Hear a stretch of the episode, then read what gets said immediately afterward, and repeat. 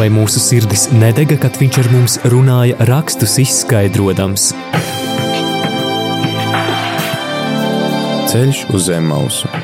Lauzīsim kopā Dieva vārda maizi, iedziļinoties dažādos bibliskos tematos.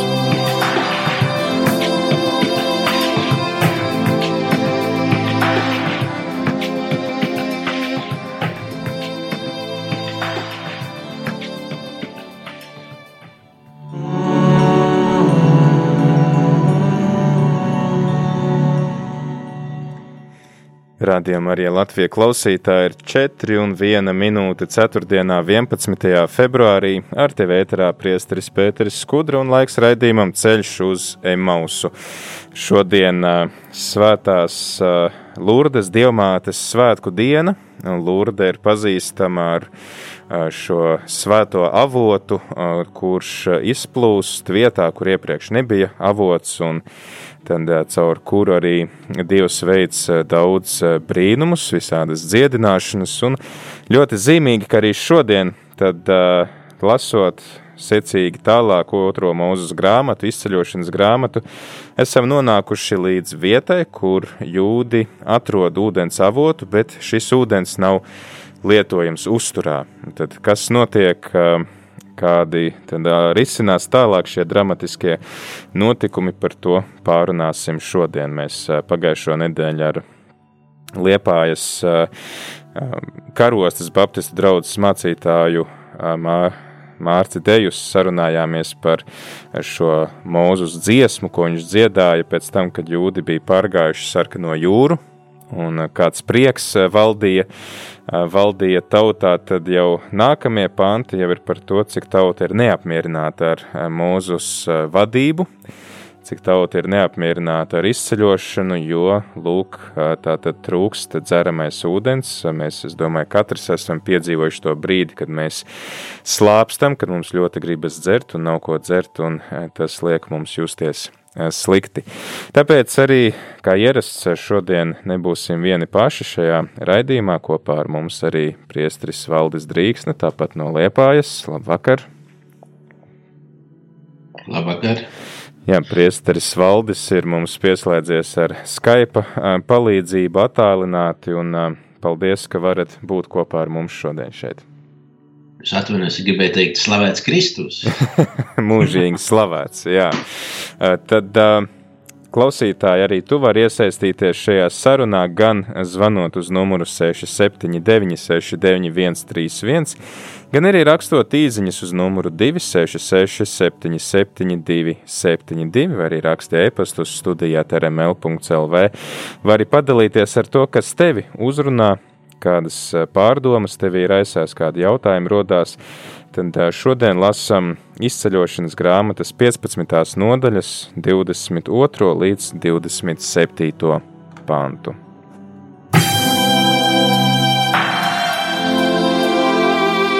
Vai mūsu sirdis nedega, kad viņš ar mums runāja, rakstus izskaidrojams?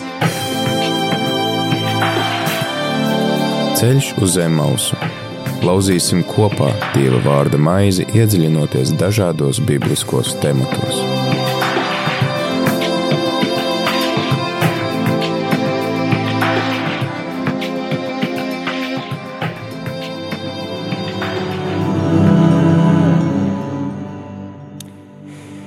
Mūzus vadīja Izrēlu no Niedru jūras, un viņi izgāja šūras tuksnesī. Trīs dienas viņi gāja pa tuksnesi un neatrada ūdeni. Tad viņi nonāca mārā, bet nevarēja dzert māras ūdeni, jo tas bija rūkts, tādēļ to nosauca māra. Un tauta kurnēja pret mūzu sacīdami, ko lai mēs dzeram, un viņš brēca uz kungu, un kungs viņam parādīja kādu koku. Viņš iemeta to ūdenī, un ūdens kļuva salds. Tur viņš tiem deva likumus un tiesu, tur viņš tos pārbaudīja. Tur viņš tos pārbaudīja un sacīja: Ja klausīsiet kunga sava dieva balsī un darīsiet to, kas taisns viņa acīs, klausīsiet viņa pavēlēm un turēsiet viņa likumus, tad visas sērgas, ko es uzliku eģiptiešiem, es jums neuzlikšu, jo es esmu kungs jūsu ārsts. Un viņi nonāca Ēlīmā, tur bija 12 ūdens avoti un 70 palmas. Tur viņi apmetās pie ūdens. Ceļš uz zem mausu.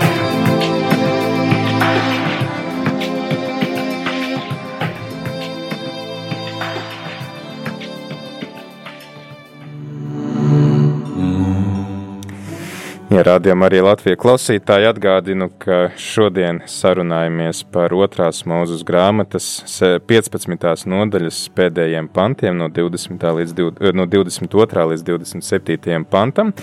Kopā ar mums balss, ko mēs diezgan bieži dzirdam šeit ēterā, īpaši no rītiem un vakaros, kad tiek translēta svētā mise. Tas ir priestris Valdis Drīksna.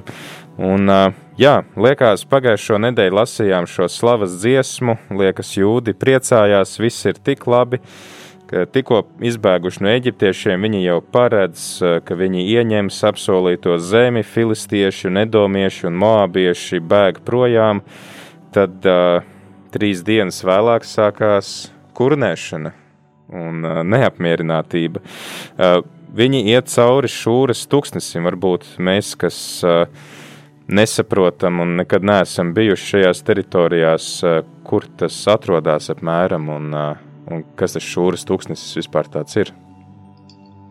Nu, tā jau ir otra puse. Tā ir Eģiptes, vēl Eģiptes robeža, bet tā jau ir otra puse sarkanajai jūrai.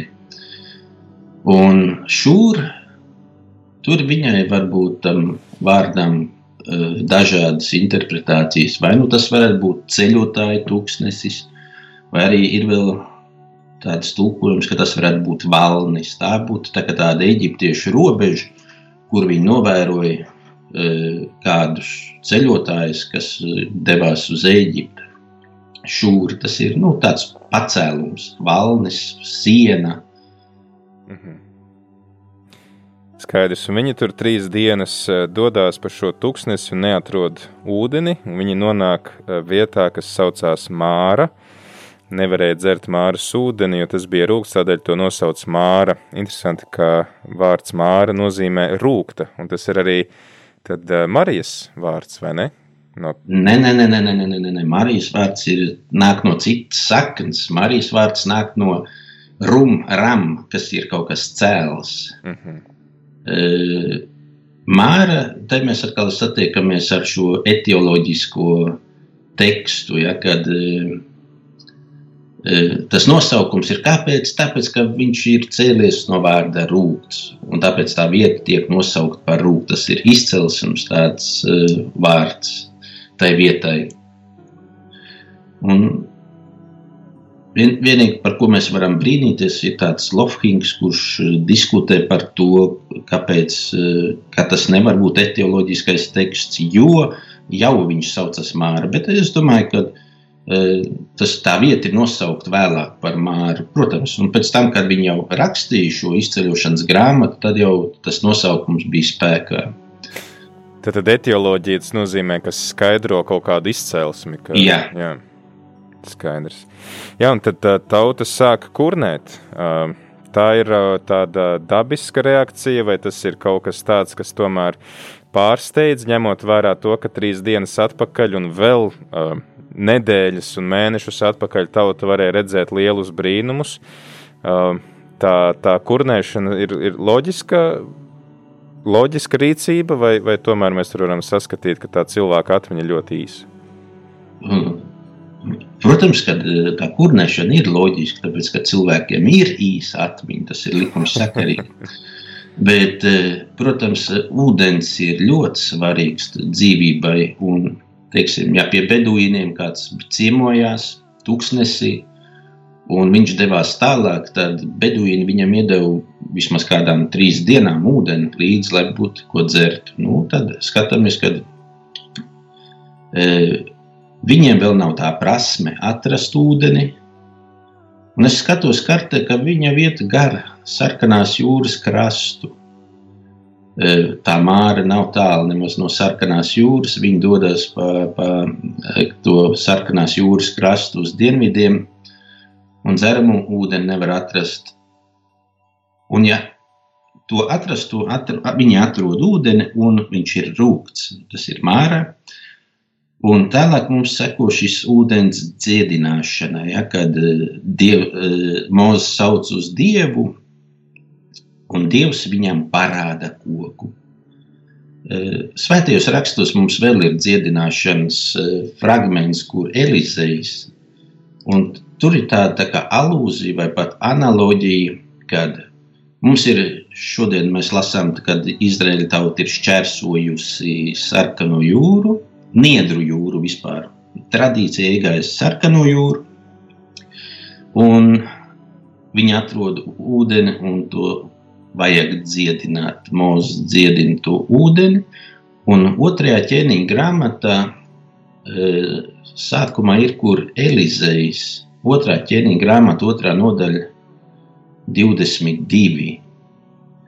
Elizejs dziedina Jērika, dziedina avotu, arī pie viņa dodas cilvēks, saka, ir, viņiem ir ūdens, bet viņš nav dzerams un Elīzijas dziedina to ūdeni un dziedina uz visiem laikiem.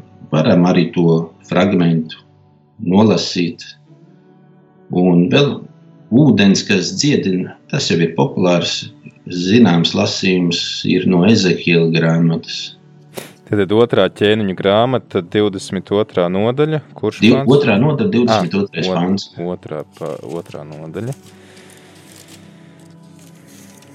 22. pāns un ūdens ir izdziedināts līdz šai dienai, kā Elīša bija teicis. Um, tas, nu, ir, tas ir. Tad, tad, uh, ja mūsu kungs taču redz, ka pilsēta ir labā vietā, bet ūdens ir slikts un zeme neauglīga, tad viņš sacīja: atnesiet man jaunu krūku krūku un ieberiet tajā sāli, un tie atnesa. Viņš izgāja ārā pie avota, iebēra tajā sāli un sacīja: Tā saka, kungs, es esmu šo ūdeni dziedinājis, no šejienes vairs nenāks nāve un neauglība. Un te ir vēl viena vārda uh, nozīme vārdam rūpts, jo rūpts ir kaut kas, kas ir slims, kaut kas saistīts ar nāvi. Par to mēs varam arī atrast Rūtas grāmatā, kur viņa sa, uh, Noēmija saka, nesauciet mani par Noēmiju, bet sauciet mani par Māru, par Rūkto. Jo viņai nomira gan vīrs, gan abi dēli. Jā. Jā. Tā mums šīs paralēlas ir, un ūdenim, ūdens ir dzīvībai svarīgs. Uh, bet ne tikai viņš ir dzīvībai svarīgs uzturā lietojums, bet viņš arī ir dziedinošs. Tāpat eģiptieši, grieķi, E, izmantoja tādas tās ūdens vannas. Un kā reiz mums šodien ir Lurda, mm -hmm. kur arī cilvēki iegremdējās ūdenī un tiek dziedināti. Jā, man radās tāds varbūt tīri tehnisks dabas jautājums. Jūs minējāt to, ka beduīni, ja viņiem bija kāds garām gājējs, kas pie viņiem viesojās, tad viņi deva līdzi ūdeni vismaz trijām dienām kādos traukos viņi uzturēja ūdeni. Viņiem taču nebija pudeles, tā kā mums, vai jā, ka, kamā, un cik daudz tas ir trijām dienām ūdens. Nu, grūti pateikt. Tas jau jāprasa pašiem beduīniem. Un kamā, un kamā viņi uzglabātu ūdeni? Nu, visdrīzāk, ka tie bija ādas trauki. Un ebrejiem jau Jēzus laikā ebrejiem bija līdz tādi e, tādas tā krūzītes, kuras akas bija dziļas, teiksim, tās cisternas vai akas, kas bija tūkstnesī izrakstas, bija dziļas. Tur mēs varam atcerēties e, Jāņa evanģēlijā tā Jēzus tikšanās ar samariešu sievietes pie akas. Ja? Mhm. Un kad tā sieviete saka, tev nav ar ko iesmelt, jo ebrejiem viņam parasti pie sāniem bija arī piesieta tāda tā kā krūzīte ar, ar striķi vai kādu garāku virvi vai šņori, kā, kā lai saka lai varētu no dziļas akas pasmelt. Mm. Skaidrs. Jā, es arī lasot šo fragment, aizdomājos par to, ka vispār ūdens simbols um, svētajos rakstos un arī koka simbols. Tur ir, mēs arī varam vilkt ļoti daudz paralēlis. Gan ūdens, kas mums atgādina par radīšanu, par šiem ūdeņiem, kas bija pašā sākumā ūdens, kā dzīvības avots, svētā gara simbols. Ūdens, kas var būt arī ļaunuma simbols, piemēram, šie lielie ūdens daudzumi, lielās ūdens masas, jūras, simbolizē ļaunumu. Savukārt koks atkal tad var atsaukt atmiņā gan radīšanas grāmatu par šo dzīvības koku, gan arī tad krusta koks, uz kā arī tad tiek, caur kuru tiek dziedināta pasaule. Varbūt varat kaut komentēt Bībelē, kā šos tēlus saprot, varbūt tā vispārīgāk. Nu, šodien kā reiz mums e, ir tāds oriģents, varbūt pat lielākais no svēto rakstu skaidrotājiem, alegoriskajiem. Un, un pie tiem māras ūdeņiem mēs varam izmantot arī viņa tādu skaidrojumu. Tas ir šie ūdeņi. Nu, Origins skaidroja, ka tā ir, e, teiksim, tauta ir izgājusi no Eģiptes verdzības. Tas ir vecais, e, tā ir vecā derība, tagad tie rūktie ūdeņi. Tad, kad viņi ir iepazinušies ar Dievu baušļiem, ar, ar, ar, ar, ar Dievu likumu, viņiem šie likumi liekas rūkti, neizpildāmi. Bet ir vajadzīgs kaut kas tāds, kas šos ūdeņus padara par baudāmiem, vai tos likumus uh, dod cilvēkiem saprast. Un Dievs parāda mūzumu koku. Dzīvības koks, tā ir tas, tas var būt dzīvības koks, uh, vai arī tas ir Kristus krusta koks. Tāpat arī cilvēkiem šodien, teiksim, ja mēs runājam par ūdeņu negatīvo nozīmi, tie rūktie ūdeņi, kas ir e, tās tumšās, dziļās jūras, kur dzīvo visādi tie uh, leviatāni vai, vai, vai, vai nezvēri, arī simbolizē tādu mūsdienu ļauno pasauli, to ļauno pasaules pusi. Un cilvēkam viņa nav panesama. Viņa tā pasaule ir rūkta. Tā ir visādas netaisnības, ciešanas, slimības. Un mums šo pasauli palīdz pārvarēt e, vēršanās uz krustu, uz Jēzus Kristus, uz pestītāja krusta. Mēs varam šo pasauli kaut kādā veidā vai nu pārveidot, padarīt tās ciešanas saldākas, to netaisnību, atdodot Dievu rokās, viņu kaut kā paciest. Līdz mēs nonākam tālāk, tur, kur eh, pēc tam, kad eh, šī Izraēla tauta tiek aizvest uz Elim, kur bija saldie ūdeņi, eh, palmas, kur bija tie, nu jā, bija 12 avoti un 70 palmas. Tā ir tāda garīga, garīga interpretācija, kas ir aktuāla īstenībā arī šodien eh, pie visām šīm kaut kādām grūtām, neizprotamām, daudznozīmīgām, daudznozīmīgām situācijām. Un kur mēs varam meklēt glābiņu? Mēs glābiņu varam meklēt tikai krustkokā. Jā, tā tad. Ja mēs redzam, ka šie, šie simboli, tad Bībeli lasām tādā daudz līmeņu vai daudzos līmeņos, un, un šie simboli var pārklāties, un tad mēs varam teikt, ka šeit jau tā kā ir uh, kā tāds, varu teikt, jau pravietojums par, par pestīšanu, kas nāk. Ja man, piemēram, arī klausoties par koku, kas tiek ielikts ūdenī, un ūdens kļūst dziedinošs, kļūst labs, tas man arī atsaucas īstenībā prātā kristības sakramentu, ka pateicoties krusta kokam, šim Jēzus upurim, kristības sakraments mūs padara arī tieši ar ūdens simbolu, mūs padara par dieva bērniem, par jaunām radībām.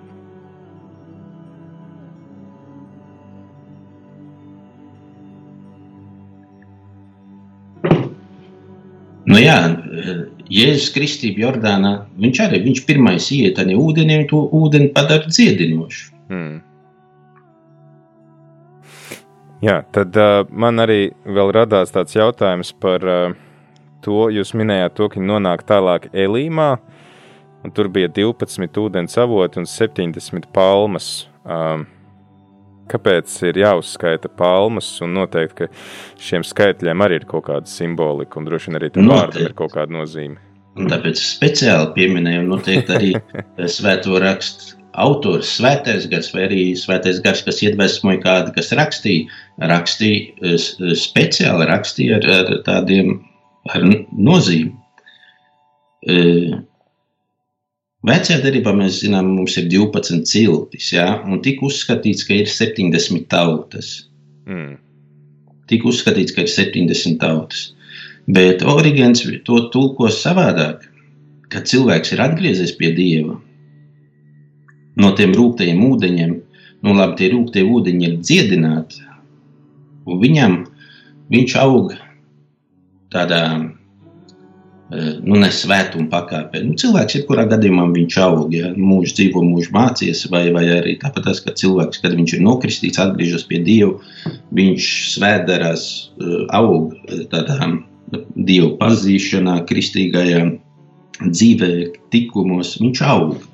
Un tāpat arī tie, kuri ir pieņēmuši Kristus krustu, viņi tiek aizvest līdz Elimai un Kas ir tie 12 avoti? Tie 12 avoti, kur kristietis var smelties no 12 apstuļu mācības. Mm -hmm. Plus vēl palmas 70. Un tie ir tie 70 mācekļi, kurus Jēzus izsūtīja pēc tam. Vietām ir 72, kur ir rakstīts, vietām ir 70. Un noteikti šeit Origēns ņēma 70 mācekļus, arī kur līdzdarbojās evaņģēlijas sludināšanā.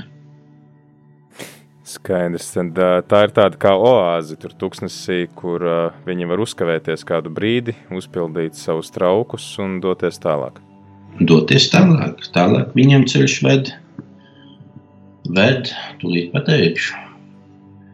Tālāk viņam ceļš ved uz simt tūkstnesī. Jā, par Sīnai tūkstnesi mēs lasīsim mazliet vēlāk, īpaši 9, sakot laikam ar 19. un 20. nodaļu, kad arī Tad būs šie interesantie apraksti par to, kā tautai tiek doti desmit baušļi. Vēl atgriežoties pie Elīmas, vai arī šim vārdam ir kaut kāda nozīme, un vai tas mums kaut ko atklāja, palīdz labāk saprast tekstu? Elīma, to es vēl neesmu pētījis pašu Elīmu, bet El, El tas jau ir no, no vārda Dievs. Mm -hmm. Skaidrs, tad uh, vieta, kur uh, Dievs Vēl šī, šī, šī rakstu vieta runā par likuma došanu, ne tikai par ūdens attīrīšanu, bet man šķiet, ka ir arī laiks dziesmai. Noklausīsimies dziesmu par slāpēm un par to, kā mēs, kā mēs slāpstam pēc ūdens, tā mēs arī ilgojamies pēc dzīvā dieva, kurš arī ir mums kā, kā barība, kā iztika savots, un tad turpināsim šīs dienas sarunu. Atgādinu klausītāji, ka šodien lasam izceļošanas grāmatas 15. nodaļas noslēgumu no 22. līdz 27. pantam, un kopā ar mums arī priesteris Valdis Drīksna, un droši arī tu vari iesaistīties, padalīties ar to, kas tevi uzrunā šajā, šajā tekstā, un kas uh, varbūt ir tāds kā jā, ar ko Dievs tevi aicina dalīties ar pārējiem klausītājiem, mēs labprāt tevi tad arī uzklausīsim.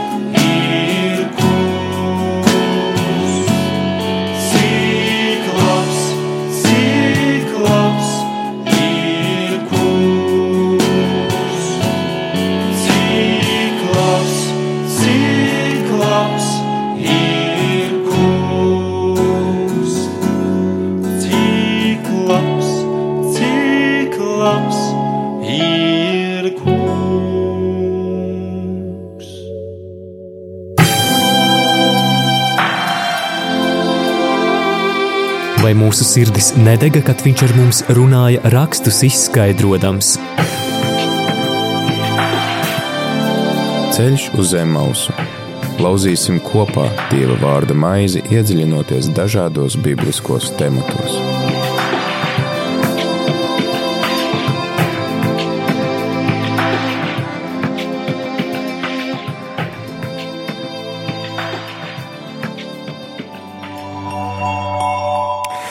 Atgriežamies ēterā ar raidījumu ceļš uz Emausu. Kopā ar tevi esmu es priestris Pēteris Skudru un šoreiz kopā ar mums arī priestris Valdis Drīksna. Runājam par izceļošanas grāmatas 15. nodaļas beigām, kur tauta tiek pārbaudīta. Viņa nonāk oāzē, kurā ir ūdens, bet šis ūdens nav lietojams uzturā, un tāpēc tad tauta sāka kurnēt jau Trīs dienas vēlāk, pieredzot visus brīnumus, tauta uh, liekas aizmirst visu to, kas ir noticis, kas bijis dievam pa spēkam līdz šim. Tad viņi sauc uz mūzu, ko lai mēs dzeram, un mūzus sauc uz kungu. Un kungs ir parādījis mūzum uz kādu koku, un viņš iemet šo koku ūdenī, un ūdens kļuva salds. Mēs runājām gan par ūdens simbolu, gan par koka simbolu, kas mums atgādina par uh, par uh, krustu un par uh, Kristu, kurš visu pasauli pārveido.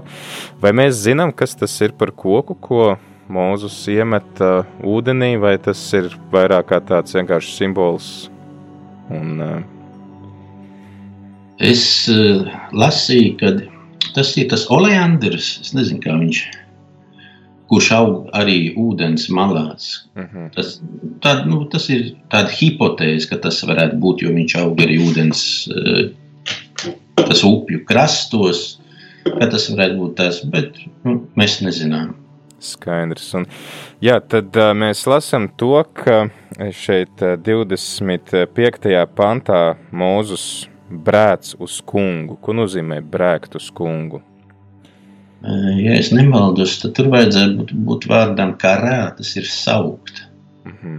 Saukt, nu, arī tāds izmisuma izteiksmē nav vienkārši tā uzrunāt, nu, klausies, zini, vai, bet saukt tas ir tad vajadzības spiež, ja, kad ir varbūt tāds izmisums, bezcerība. Mm -hmm. Tad, kad ūdens tiek dziedināts, man liekas, arī tā interesanti, ka vienā pantā, 25. pantā, mēs lasām, ka Mūzus sauc uz kungu, kungs parāda koku, Mūzus iemet koku ūdenī, ūdens kļūst salds, tātad derīgs lietošanai, un uzreiz nākamie vārdi tur viņš tiem deva likumus, tiesu, un tur viņš tos pārbaudīja. Kas ir tie likumi un tiesa? Ko nozīmē dot tiesu? Dot tiesu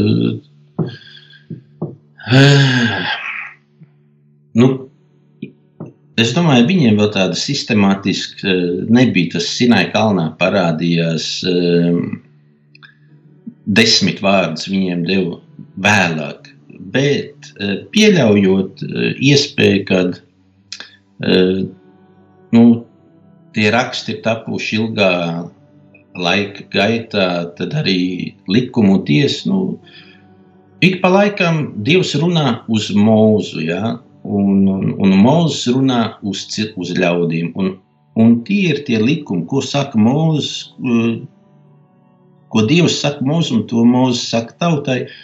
Un tie varētu būt arī tie likumi. Mm -hmm. Tad tie varētu būt sinonīmi likums un tiesa, tad tāda kā sinonīmi, kas kā organizē Jā, to sabiedrisko īstenībā, kārtību. Tie ir sinonīmi. Tur ir divi vārdi, mišpat un micvā. Tie ir e, sinonīmi. Mm -hmm. Skaidrs. Vai mēs varam kaut kā, vai, vai autors ir gribējis kaut kā sasaistīt šo ūdens padarīšanu par e, lietojumu uzturā ar likuma došanu, vai tas ir kaut kas, nezinu, tā kā piemēram pravietim, tagad palīdz man atcerēties, kuram no praviešiem bija, ka Dievs liek apēst Dieva vārdu, Viņš apēda to rulli, un sākumā tas ir rūkts, bet pēc tam salds. Tur... Tas ir izsai grāmatā, man liekas, atklāsmes grāmatā Jā. arī evaņģēlists Jānis par to rakstīja. Par to apēšanu, kur eņģelis, kas stāvēja ar vienu kāju uz zemes un vienu jūrā. Bet uh, par šo, jā, kas ir tie, kad ir salds un kad ir, kad ir rūkts tas ūdens, to var izskaidrot tā, kad, kā Origins viņš raksta, kad ir likums, ir bauslis. Cilvēkiem, kurš šo bausli neievēro, viņš pēc tam nes nāvi, un viņš, tas, tas ūdens ir rūkts. Bet cilvēkam, kurš ievēro šo likumu, tas ūdens kļūst salds. Jā, tad, tad vienam tas likums nes nāvi, otram likums nes dzīvību. Jā, bet uh, likums sakarīgi. Skaidrs. Tātad, ja tu dzīvo saskaņā ar dieva baušļiem, dieva principiem, tad tu ej. Tas ir tad, tad arī īstenībā šīs divas izvēles, kas mūs gaida pēc nāves, vai nu, Jā. vai nu mūžīga nāve, vai mūžīga dzīvība dieva klātbūtnē.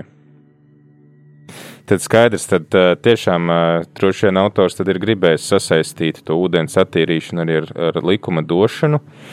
Un, tur ir arī teikts, viņš, tad viņš tiem deva likumus. Runa ir par dievu vai par mūzu?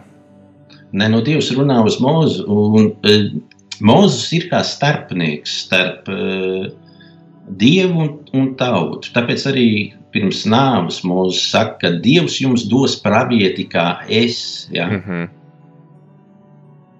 Mūzis ir starpnieks.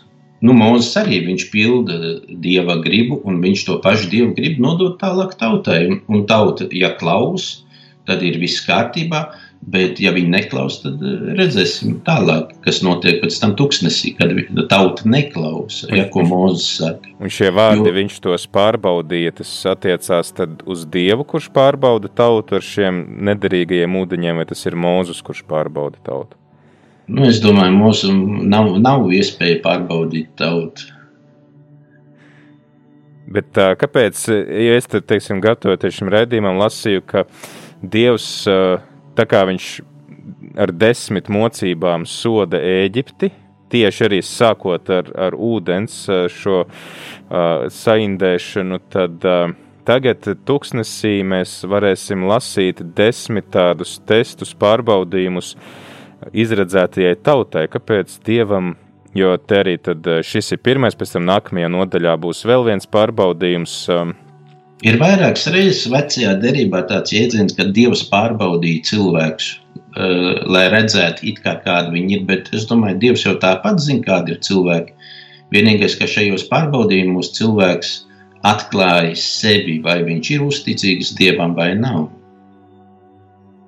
Tad šie pārbaudījumi ir tīri mums pašiem domāti, lai parādītu, vai mēs esam uzticīgi Dievam vai nē. Lai mēs paši iepazītu sevi, cik kādi mēs esam. Skaidrs.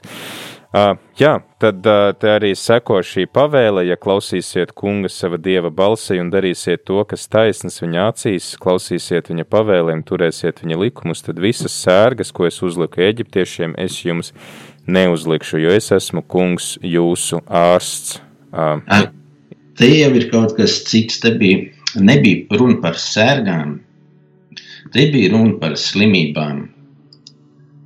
Hmm. Vismaz es uh, izlasīju, un arī Origēns rakstīja, te ir pavisam cits. Te, um, viņš nesaka par, par sērgām, uh, kādas piemeklēja Eģipte, bet par slimībām. Viņš tās slimības uzrakstīja tādā garīgā nozīmē, e, ka tur ir teiksim, slimība, kas ir saistīta ar piesaistīšanos pasaulē, ar izvērtību, ar, ar mantkārību, ar, ar šitām visām slimībām. Un tas dziedinātais ūdens arī dziedina cilvēku kad viņi neslimo ar tām slimībām. Tas ir uh, orgāns, nu, protams, viņš to uh, domā ar grēkiem. Uh mhm. -huh. Un, ja mēs izmantojam dziedinātu ūdeni, un tādā pašā laikā, ja mēs turamies pie baušļiem, mēs nekrītam grēkos, mēs nekrītam tādās slimībās, ar kurām slimoja eģiptieši. Tad Eģipte kā tāds simbols ļaunumam, grēkam. Jā, viennozīmīgi. Un tad likums ir kā šis attīrītais ūdens, kuru ievērojot, teiksim, baušļi, kurus ievērojot, tad mūsu dvēsele tiek attīrīta, dziedināta, stiprināta. Jā. Skaidrs. Un tad kungs ārs, interesanti, ka likuma došana vai šīs tiesas došana ir saistīta ar ārstēšanu. Nu, kad Dievs saka, ka viņš ir vienīgais dziednieks vai ārsts, ja, ka viņš ir patiesais ārsts. Mm -hmm. Tad tas ir arī tāds, tāda norāde jūdiem, ka tad, kad viņiem būs kādas slimības vai kas vērsties pie Dieva lūkšanā, nevis pie kādiem, nezinu, dziedniekiem, pie, pie pūšļotājiem, kas Bet... mums šodien notiek. Nu, ne, arī ir populāri braukt pie, pie, pie kā lai to nosauc. Nu, Jā. Es nezinu tādu precīzu vārdu. Kā... Burjiem kaut kādiem. Nu, jā, nu, nu, nu, nu, jā bet, kāpēc? bet tad jautājums, nu, te mēs varam varbūt iekrist atkal pretējā galībā, ka, lūk, Dieva vārds saka vērsies pie Dieva, nezinu, ja tu esi saslimis, tad nevis brauc pie ārsta, bet tu vienkārši lūdzies. Jā, jā, jā, jā. Ir, ir, ir šī, šī galējība arī mums var draudēt, Bet mums jāsaprot tas, ka senos laikos arī nu, daudzas slimības tika sasaistītas ar, ar, ar kaut kādiem uh, gariem, ar dēmoniem, ar garīgo pasauli. Ja. Kad uh, medicīna nebija tik attīstīta, lai viņi saprastu, kādas ir, kādas ir šo slimību cēloņi. Tāpēc arī bieži vien viņi meklēja kaut kādu garīgu dziedināšana, nevis fiziski. Viņi nezināja, kas ir kas. Vēlāk, ar laiku, kad jau attīstās medicīna, vienalga, tā pašā Eģiptē attīstās, nu, vispār pasaulē, ja, tad jau uh, pirms Kristus vēlāk jau ir, ir tas pats sīraks raksts, ja, kad ir jāiet pie ārsta, jādodas, kā ārsts ir vajadzīgs, ka viņš arī no Dieva dotas Bet sākumā visas slimības bija saistītas ar, ar, ar kaut kādām garīgām dimensijām. Vai mēs arī šodien varam līdzīgi raudzīties, ka kaut kādas nelaimes, slimības ir saistītas ar grēku, vai tomēr tas nav tas, uz ko mūsu svētie raksta aicina? Nē, nē, nē, nu, noteikti, ka ir slimības, kuras ir saistītas ar grēku. Ir, ir, ir pat ārsti šodien, kur saka, ka nu, ir teiciens veselā miesā, vesels gars. Ja? Kad tā garīgā nostāja cilvēkam, garīgais stāvoklis, viņš arī e, ietekmē to fizisko. Cilvēks ir viens veselums. Un ja viņam, teiksim, cilvēkam iekšā ir miers, viņam nav stresa, viņš tik ātri nesaslims, viņam nenovecos, e, Bet cilvēks, kurš ir nervos vai, vai, vai kaut kā savādāk, ir grūtāk noteikti dzīvot. Kumčūlis piemetās vai, vai, vai matis irma un, un, un āda paliek neelastīgi. Nu, to, to, lai mediķi eh, skaidro, bet eh, ir, ir, ir eh, saistība ir noteikti garīgajai dzīvei un, un fiziskajai. Es atceros kādreiz, kaut kad es biju karmelīšu klosterī. Es runāju ar vienu māsu, viņa bija priekšniece. Un, un īstenībā, ja viņai viņa izskatījās par 20 gadiem jaunāk nekā viņai bija gadu.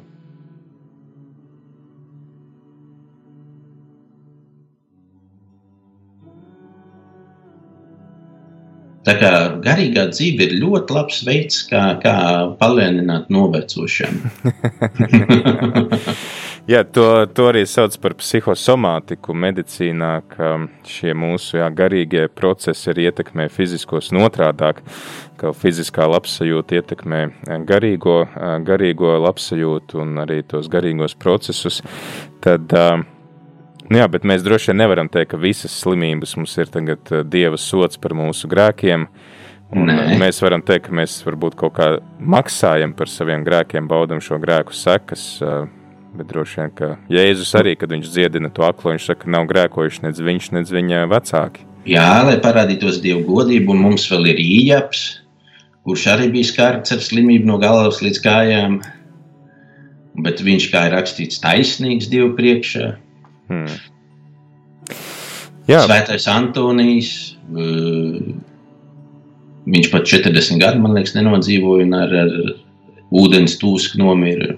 Daudz svētie ir aizgājuši arī nu, savus garīgās gandarīšanas īstenībā dēļ. Viņi ir nu, savu eh, to fizisko ķermeni viņi ir piebeiguši tā kārtīgi.